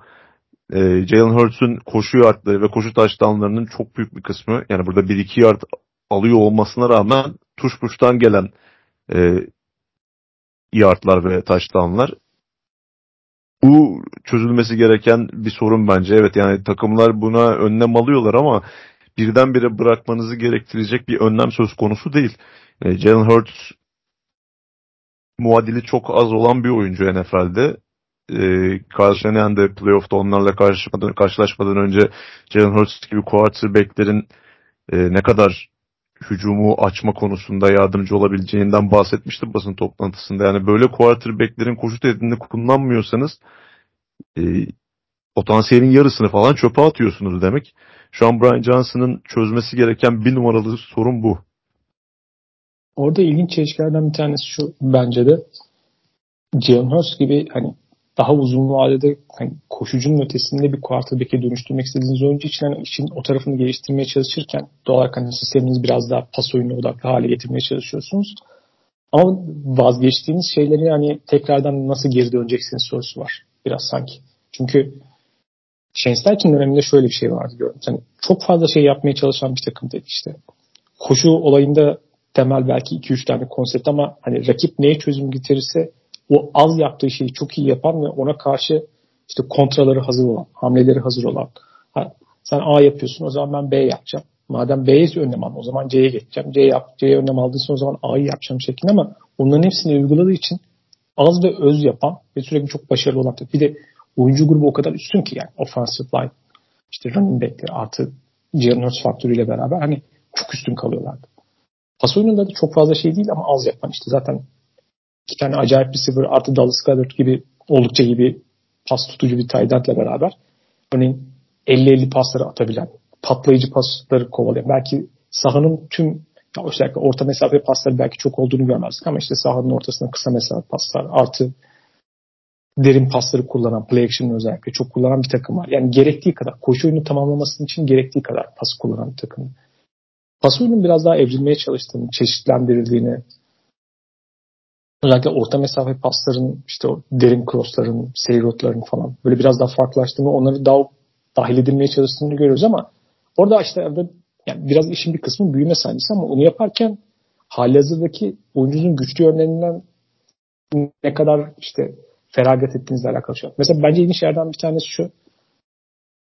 Sanki bu sezon sanki daha az RPO oynuyorlar gibi geliyor bana. Yani Jalen Hurts, abi RPO oynayacaksın zaten yani. Onlar yapman gereken şeylerden bir tanesi. Biraz bunlardan sanki kolay vazgeçilmiş gibi durumda ama bir noktada o geri gelinebilir bir nokta. Yani play olur. Tabii ki yani karşı taraftaki savunmayı da hisseden ona göre anlık çözüm üreten bir faktör olarak hani Shane Steichen'ı playoff'ta ararlar mı? Onu göreceğiz. Ama geri kalan şeyleri biraz yavaş yavaş oturtabilecekler gibi görünüyor. Çünkü o kadar üstün ki kadro. Yani tüm toplam takımın vaadi geri kalan rakipte özellikle de NFC'de hani bir şekilde kazanmanın yolunu buluyorlar. İşin ilginç noktalarından bir tanesi hani hücum idare etse bile yani şimdi savunmada sezon başında işte özellikle drafttan sonra şey konuşuyorduk ya ya şimdi Jalen Carter'ı kimse almadı. Almadı. Hazmın çıktı aldı. Herkes korktu çekildi. Kesin Warren Sapp'ın ikinci versiyonu geldi falan diyorduk. Sanki gerçekten geldi gibi yani. Yanılmadık aynen. Yani defensive line hala tabii ki çok etkili. İşin şantezayı yani yeni koordinatör kısmına da geleceğiz ama yani Jalen Carter Kelly Koncak o kadar geri kalanın bile önünde farklılaşan bir performansı var ki yani işler biraz onunla başlıyor artık. Ya Jalen Carter'ın önünde draft eden bütün takımlar pişman olacak Jalen Carter'ı seçmediğine. Yani bu kalan bütün Georgia bariz. savunmacılarına bakıyorum. Herkes sanki Jalen Carter'dan ekmeğini yemiş gibi geliyor yani. ya o biraz aslında evet onun e, emarelerini zaten e, Georgia'da oynadığı dönemlerde de görüyorduk. Yani Jalen Carter o kadar muazzam bir yetenekti ki Georgia'nın maçlarını izlediğinde evet takım halinde çok iyi bir savunma var. Çok iyi bireysel yetenekler var. Ama yani o 98 numara gözünüze çarpıyordu savunmanın ortasında. Ve Jalen Carter'la alakalı zaten sıkıntı hiçbir zaman oyunu olmadı. Evet yani biraz efor konusunda da belli başlı dedikodular atıldı ortaya. Ama yani bunlara ben şahsen hiç inanmıyordum. Geldiğimiz noktada da görüyoruz. Yani eforla alakalı hiçbir problemi olan bir oyuncu değil. E, sağ dışındaki e, karıştığı olaylar biraz takımları ürküttü. Ama böyle bir yetenek vaadi söz konusuysa o riski de almanız gerekiyor. İşte o riski alan genel menajerler şu an çok farklı noktada olabiliyorlar. Yani Howie Roseman bundan işte 7-8 sezon öncesine kadar e, çok tartışmalı bir e, genel menajerdi. Ancak geldiğimiz noktada e, çok farklı bir yere çıkarttı ismini. E bu da aldığı riskler ve bu risklerin başarılı olmasıyla da alakalı. Yani her zaman başarılı olacak dediği bir şey yok ama ama içeride başarılı... o riski yönetebilecek bir kültür ve organizasyon olması gereken yani içerideki mesela oyuncuların o liderliği onu desteklemesi yani içerideki mesela oyunculara da muhtemelen Jalen Carter belki başka bir yere gitse bu kadar kolay uyum sağlayabilir veya bu kadar risksiz bir profil olmazdı sanki. Evet o NFL'e yumuşak bir geçişte sağladı kuşkusuz Philadelphia Eagles hem kadrosu hem de yönetimi o açıdan. Zaten takıma bakıyorsun işte e, birlikte forma giydiği bazı oyuncular var. E, onun dışında liderlik konusunda ön plana çıkan oyuncular var. O nedenle yani gidebileceği en iyi yerlerden birine de gitti. O konuya da katılıyorum kesinlikle. Ama yani şu ana kadar geride kalan haftalarda göstermiş olduğu performans etiketinin karşılığını verir cinste gerçekten. Çok hızlı ilk adımını NFL'de de görüyoruz ve e, yarattığı baskı konusunda zaten çok üstün bir e, Philadelphia Eagles defensive line'ı vardı. Fletcher Cox'ın gerileme ve kariyerinin son dönemine girdiği bu zamanda e, Jalen Carter'ın orada getirdiği katkı çok çok çok değerli. E, New York Jets'e kaybettiler sadece bu sezon. O maçta da Jalen Carter oynamamış. Yani ne kadar etkili oldu orası tartışılır tabii ama yani Jalen Carter'ın oynamadığı tek karşılaşmayı kaybetmeleri de biraz hani oyuncunun bu savunma için değeri açısından da önemli bir etken bence. Philadelphia Eagles savunmasıyla ilgili bir ilginç nokta da şu. Yani şimdi savunma koordinatörü değişikliğinin nasıl bir etki yaratacağını düşünüyoruz. Çünkü benzer şekilde aslında işte temelde arkada iki safety'lik kavurtu oynayan bir Fangio sisteminin ki geçen senenin Big Fangio da bu takımın danışmanlarından bir tanesiydi. O yapılarını görmüş. Daha önce Chicago Bears'te çalışmış olan Sean Desai geldi. Jonathan Gannon döneminde eleştirilen noktalar takım yani çok reaktif, biraz çok kendi şeyine sadık, fazla değişiklik yapmayan, rakibe adapte olamayan zaman zaman işte tabii koşu savunma noktasında sıkıntılar çekebilen bir takım olması vardı savunmada. Şandaze ile ilgili fark ettiğim şey şu. Gördünüz. Bir kere o kadar kesinlikle reaktif değil. Yani daha farklı şeyleri denemekte, rakibe göre farklı şeyleri sunmakta, maç içinde değişikliklere gitmekte çekinmiyor. Yani bu maç üzerinde gördüğümüz şey yani Miami Dolphins'e göre çok onlara göre özel bir plan yapmak gerekiyordu. Bazı alışkanlıklardan vazgeçmek gerekiyordu. Mesela Buffalo Bills'in onlara karşıladığı uygun hücum planına çok benzer bir planı gördük ve hakikaten Miami Dolphins'ı bayağı sıkıntı çıkardılar. Ki bunu çıkarırken de şunu söylüyor. Bu takımın defensive line ne kadar derin ve etkileyici olmakla beraber linebacker ki geçen sezondan iki tane linebacker kaybettiler. Yani geri gelen linebackerlarla biraz daha hani orası daha soru işareti ama secondary'si çok da bence ismin hakkını verecek kadar güven veren bir grup değil. Çünkü geçen sezon hem Super Bowl'da gördük hem de işte Brock Purdy sakatlarına kadar konferans finalinde gördük. Orası biraz işlenebilen bir yapı. Yani evet e, Darius Slay iyi bir cornerback bence yani birebir ligin çok üst seviyede wide receiver'larıyla birebir de bırakırmaktan ne kadar rahat hissederim ayrı konu. James Bradbury iyi bir yama ama New York Giants'ın onu niye bıraktığını anlayabiliyorsun. İşte Burada Chelsea Gardner Johnson'ın ayrılması gibi bir durum falan var. Safety'lerden orası biraz şey bir grup. Hani sonuçta Philadelphia Eagles'ın kendi takım yapısında önceliklendirdiği pozisyonlar var. Öncelikli kaynaklarını oraya aktarıyor. Geri kalanı mümkün olduğunca dönemsel ihtiyacı var. Şu anda şampiyonluk penceresinde olan bir takım olduğu için işte artık akşam pazarından ne düşerse, fırsatlar ne düşerse oradan tamamlamaya çalışıyorlar. Orası görece sıkıntı olabilen yapı olmasına ama yani Buffalo Bills'in Miami Dolphins maçında oynadığı kadar hazır bir grup değil. Yani orası işte linebacker'lar o kadar net değil örneğin. Ama benzer plan uygulamaya koymaya başardılar. Tabi bundan sonrası muhtemelen işler daha da güzel olacak. Çünkü gerçek anlamda hani biz gelecek hafta falan olmasını bekliyoruz. Çünkü trade deadline herhalde bunlar gerçekleşir diyorduk ama ona bir hafta kala yani ligin hem bu takım için çok iyi olabilecek yani her şeyi yapabilen hem bu sistem için çok iyi olabilecek hem de yani ligin pozisyonun en iyilerinden biri olan Kevin Byard'ı hakikaten gene 3 kuruşa takas ettiler. Bir de memleketin çocuğunu getirdiler yani. Orası daha da ilginç olacak gibi görünüyor. Savunmanın da en azından rakibe göre daha fazla adapte olmasıyla beraber bence playoff zamanı geçen sezon yaşadığı bazı sıkıntıları yaşamayan biraz daha fazlasını sunabilen bir takım oldu. Daha rakibe göre adapte olabilen bir takım olmasını da bekliyorum açıkçası. Ya John Robinson'la Howie Roseman arasında nasıl bir ilişki varsa artık yani AJ Brown'dan sonra Kevin Byard'ı da bir sepet iki mandala takasla alması yani inanılır gibi değil artık e, Roger Goodell'in, McKim'in birilerinin ya, bu işe... bir de sembol oyuncularından biriydi yani tenis Titans'ın hakikaten. Evet bu işe el koyması lazım. Yani tek böyle mantıklı senaryo şey gibi geliyor bana. Hani Kevin Byard bir Bleacher Report'ta katıldığı bir podcast'ta şey diyor ya işte bütün ailesinin Philadelphia Eagles'ı olduğundan işte Eagles'la oynadıkları maçta sadece babasının kendi formasını giydiğini işte ailenin diğer bütün üyelerinin Eagles forması giydiğini hani orada ona diye destek olmaya değil Eagles'a destek olmaya geldiklerinden vesaire bahsediyor. Yani Kevin Byte aile baskısıyla gidip işte başkanım beni Eagles'a takas edin falan mı dedi yani. Özel bir isteğini mi e, onurlandırdılar. Onun dışında başka bir seçenek görmüyorum. Aklıma şey geliyor zamanında Peyton Manning Denver Broncos'dayken işte daha iyi bir tackle ihtiyacı var. Joe Thomas da Cleveland'da sürünüyor ama hani muazzam bir sonuçta Hall of Fame left tackle adam. Joe, Joe Thomas şey falan demiş birkaç kez Git takım sahibinin masasının üzerine mi otursun? Oraya bir şey mi bırakırsın artık? Ne yaparsan yap kendini oradan kovduktan demiş. yani başka bir açıklaması yok gerçekten. Kevin Byard hani çok göze çarpmıyordu belki Tennessee Titans'ın. Hani Tennessee Titans evet iyi bir savunma takımıydı ama yani öyle çok önde gelen takımlardan değildi ama ligin en iyi safety'lerinden bir tanesi. Ve bu takımın sezon başından beri savunmada bir sıkıntı yaşıyorsa onun da e, sahanın ortasını savunmak olduğu konusunda hem fikirizdir diye düşünüyorum. Hem e, safety grubu hem de linebacker grubu çok e, iç açıcı değildi Philadelphia Eagles'ın. Zaten Miami Dolphins'e karşı gösterdikleri performansı etkileyici kılan noktalardan birisi de bu. Yani yedek safety'lerle oynadılar. Cornerback'ler vesaire zaten e, Bradbury ve Slay dışında oynayan oyuncular e, çok kısıtlı oyuncular.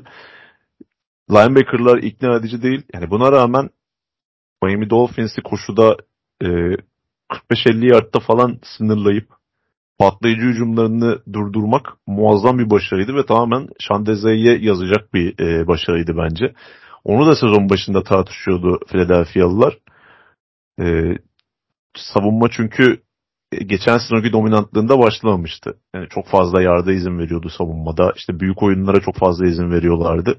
Ancak e, haftalı ilerlemeye başladıkça biraz daha e, Şandezay'ın sisteme oturmaya başladıkça savunma yeniden vites arttırmaya başladı. Miami Dolphins'e karşı kazanmalarının bir numaralı faktörü savunmanın gösterdiği performanstı bana kalırsa.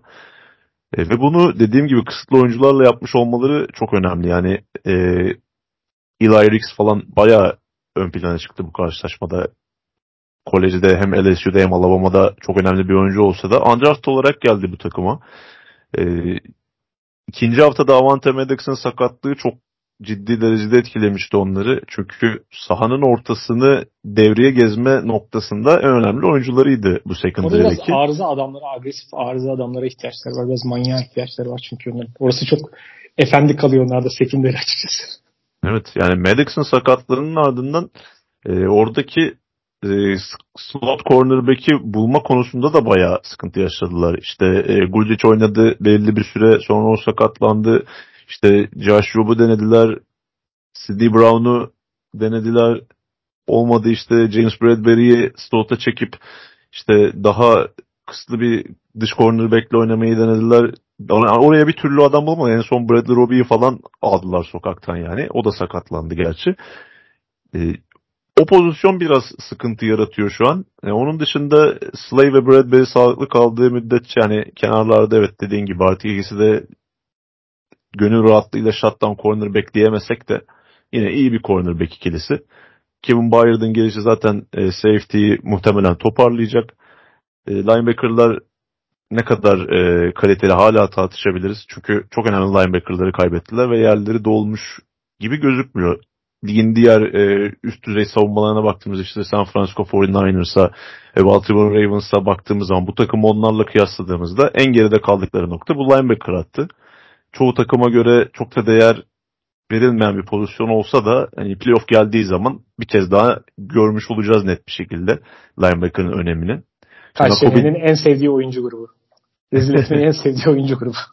Evet yani işte olası bir 49ers eşleşmesinde Eagles'ın hani 49ers'a ters gelecek yapıda bir takım olduğundan bahsediyoruz sürekli. İşte hem defense hem offensive line'ın kuvvetli olması işte orada trenches'ta onlarla eşleşebilecek yapıda bir takım olmasından ama yani bu linebacker grubuyla o hücum sistemi işlemeye başladığında yani işi biraz zor olacak Eagles'ın. O nedenle sahanın ortasını savunma noktasında yeni planlara da ihtiyaçları var. Ama Şandezay'ın bu takıma kattığı şey e, Jonathan Gannon'da olmayıp da Şandezay'da olan şey e, biraz daha agresif savunma ve biraz daha e, rakip quarterback'in aklını karıştırmaya yönelik savunma. Miami Dolphins'e karşı oynarlarken bunu gördük. İşte Tua'yı o coverage disguise'larla çok daha proaktifler orası çok aşikar. Evet çok daha proaktifler işte coverage disguise'ları o kadar iyi kullandılar ki hani Tua ligin topu elinden en hızlı çıkartan quarterbacklerinden birisi olmasına rağmen onu ikinci defa, üçüncü defa düşünmeye birçok kez sevk ettiklerini gördük. Yani Jonathan Gannon'ın savunmasında neydi? İşte geride kaleci gibi iki tane Tuhai Shell'de bekliyorlardı ve biraz daha tahmin edilebilir bir savunmaydı. Şimdi Şandeza'yı orada işleri biraz daha karıştırmış durumda. E, haftalar ilerledikçe de bunun pozitif etkisini daha da fazla görmeye başladık. Orada şöyle bir teorim var. Aklıma şöyle bir şey geldi. Şimdi malum Fangio sistemi şu an şey gibi 10 sene öncesinin Seattle tree'si gibi yani ligin yarısı artık bu sistem veya bu sisteme yakın bir şeyle oynuyor savunmada. Gerçek anlamda hani bu sistemden yetişen daha genç koçlar bunu daha uygularken böyle daha sonradan işte buna adapte olan koçlar bunu gidip bir yere uygulamaya çalıştığında çok komik şeyler oluyor. Yani geçen sezon işte Minnesota'da Ed Donatel yani şimdi daha yaşlı ve başka gelenekten gelişmiş bir koç. Öyle bir şey oynamaya çalıştı. Geçen sene Minnesota savunması biraz hani Allah yani o gün rakip bir şekilde topu size atmışsa falan şansla falan yürüyordu yani. Packers savunmasının Joe Barry ile halini görürüz yani eldeki potansiyele göre yani. Bir şekilde o savunma uygulamaya çalışırken o savunmanın inceliklerini uygulama noktasında zorlandığı pek çok şey var, detay var. Ama mesela bu sistemde biraz daha uzun süre yetişmiş diyebileceğimiz. Örneğin geçen sezon Denver'da bu sezonda Carolina'dan işte Ezra Evero Şandezay biraz daha genç ve bu sistemde daha uzun süre kalmış yetişmiş koçlar ki öncesine gidersek hatta işte Brandon Staley bile şu an tartışılıyor ama yani en azından Los Angeles Rams'teki yani biraz da hakikaten bu sistem içinde kendine yetişmiş daha genç koçlar bunu biraz daha uygulama noktasında hakikaten daha yaratıcı ve daha doğru şeyleri yapıyorlar gibi yani sonradan ya tamam trend buymuş biz de bunu uygulayalım sen de bu sistemi biraz gördün işte bununla çalıştın deyip getirdiğin koçlarla sanki o kadar iyi çalışmıyor gibi. Böyle bir teorim var. Evet. Katılıyorum ben de sana bu konuda. Gün sonunda ama Philadelphia Eagles'la alakalı yani hali hazırdaki beklentiyle alakalı olarak bir tane ölçüm noktası var. 49ers'a karşı ne yapacaksın? Yani şu ana kadar gördük yani Dallas Cowboys'ta bu takım en azından yarım seviye en azından gerisinde yani. 49ers'a karşı işte sezon içerisinde bir tane oynayacakları maç var ama belki bunları bıraksak böyle bir seri oynasalar daha da ilgi çekici olabilir. Çünkü ikisinin de kendi güçlü yönleri, zayıf yönleri baktığın zaman birbirine karşı hangisinin üstün geleceğine emin olmadım. Yani birbirinin üstünlüklerine karşı diğerinin üstün gelebileceği falan bir noktada. Yani eşleşme açısından çok çok ilgi çekici bir ağır siklet maçı olacak gibi gözüküyor. Kıyasladığımız nokta. O yüzden de hücum tarafında play caller tarafından nasıl olacaklar? Yani halihazırdaki geliştirmeye çalıştıkları yapıdan o zamana geldiklerinde kendinizi optimize etmiş, kendi önceliklerini belirlemiş bir takım olarak dönebilecekleri mi? Savunma tarafında örneğin şu ana kadar Şendeze ile gördüğümüz olumlu şeyleri o noktada uygulayabilecekler mi? Yani artık bundan sonrası kriter olacaktır yani. Halezde fikstürleri daha zor olduğu için yani NFC'de ilk sırayı alırlar mı konusundan çok emin değilim ama o da çoktan çok belirleyici bir şey olacak. Ya kaçıncı sırayı alacakları tabii ki e, belli olmayacak ama yine günün sonunda bu konferans finalinde çok büyük böyle bir sakatlıklar takımı sizi derecede etkileyecek olaylar yaşanmazsa 49ers'la Eagles'ı göreceğiz gibi duruyor NFC'de. E, 49ers'ın iki haftadır kaybediyor oluşu biraz onları gözden düşürmüş durumda. E, Eagles yeniden e, daha böyle sıcak takım olmaya başladı. Ama şöyle de bir durum var yani Cleveland Browns 49ers'ı yenerken de gösterdi. E, e, her iki line'da da güçlü olabilen takımlar 49ers'a sorun çıkarabilecek takımlar. Her ne kadar geçtiğimiz sezonki Eagles olmasa da yine e, 49ers'la en iyi şekilde eşleşebilecek her iki topun e, her iki çizgi tarafında da en iyi eşleşebilecek takım hala Philadelphia Eagles. E, hatta defensive line'ının geçtiğimiz sezona göre çok daha iyi olduğunu söyleyebiliriz. Hem orada Jordan Davis'in gelişimi, koşuya karşı kapattığı kanallar hem de Jalen Carter'ın Miami etkisi. gibi benzer sistemi uygulayan bir takıma karşı performanslarını da gördük bile. Evet yani o açıdan ben hala Philadelphia Eagles'ı hani böyle bir yarım adım daha avantajlı görüyorum olsa bir 49ers eşleşmesinde. Çünkü e, sadece savunma line'ı değil hücum line'ı da 49ers'ın defensive line'ına karşı ayakta kalabilecek bir offensive line. Çünkü dünkü 49ers Vikings maçını düşünecek olursak yani Christian Dorisov muam, muazzam bir karşılaşma oynadı. Ee, genel anlamıyla Vikings offensive line iyi karşılaşma oynadı. Philadelphia Eagles'ın çok daha fazlasını yapabilme potansiyeli var e, bu 49ers'a. O nedenle hala ben hani bir adım olmasa da yarım adım Eagles'ı önde görüyorum o açıdan. O zamanki Fortnite kaçına kadar. Kötü tarafı sadece bence o maça kadar çok süre var. Yani şu aralar oynasalar sanki daha iyi olurdu. Çok uzun süre bekleyeceğiz gibi hissediyorum. Bu kadar beklemek istemiyorum kendi adıma. Evet bir de yani nasıl şartlarda o maç geldiğine nasıl bir şartta karşılaşacaklar o da e, şu an bir bilinmez yani. Zamanı geldi herhalde onda daha detaylı konuşuyoruz. Philadelphia Eagles defterini şimdi burada kapatalım. Görkem ağzına sağlık. Allah senin de. Haftaya büyük ihtimalle trade deadline'dan sonra herhalde takımların yaptığı hamleleri de biraz konuşuyor olacağız. Haftaya görüşmek üzere. Hoşçakalın. Hoşçakalın.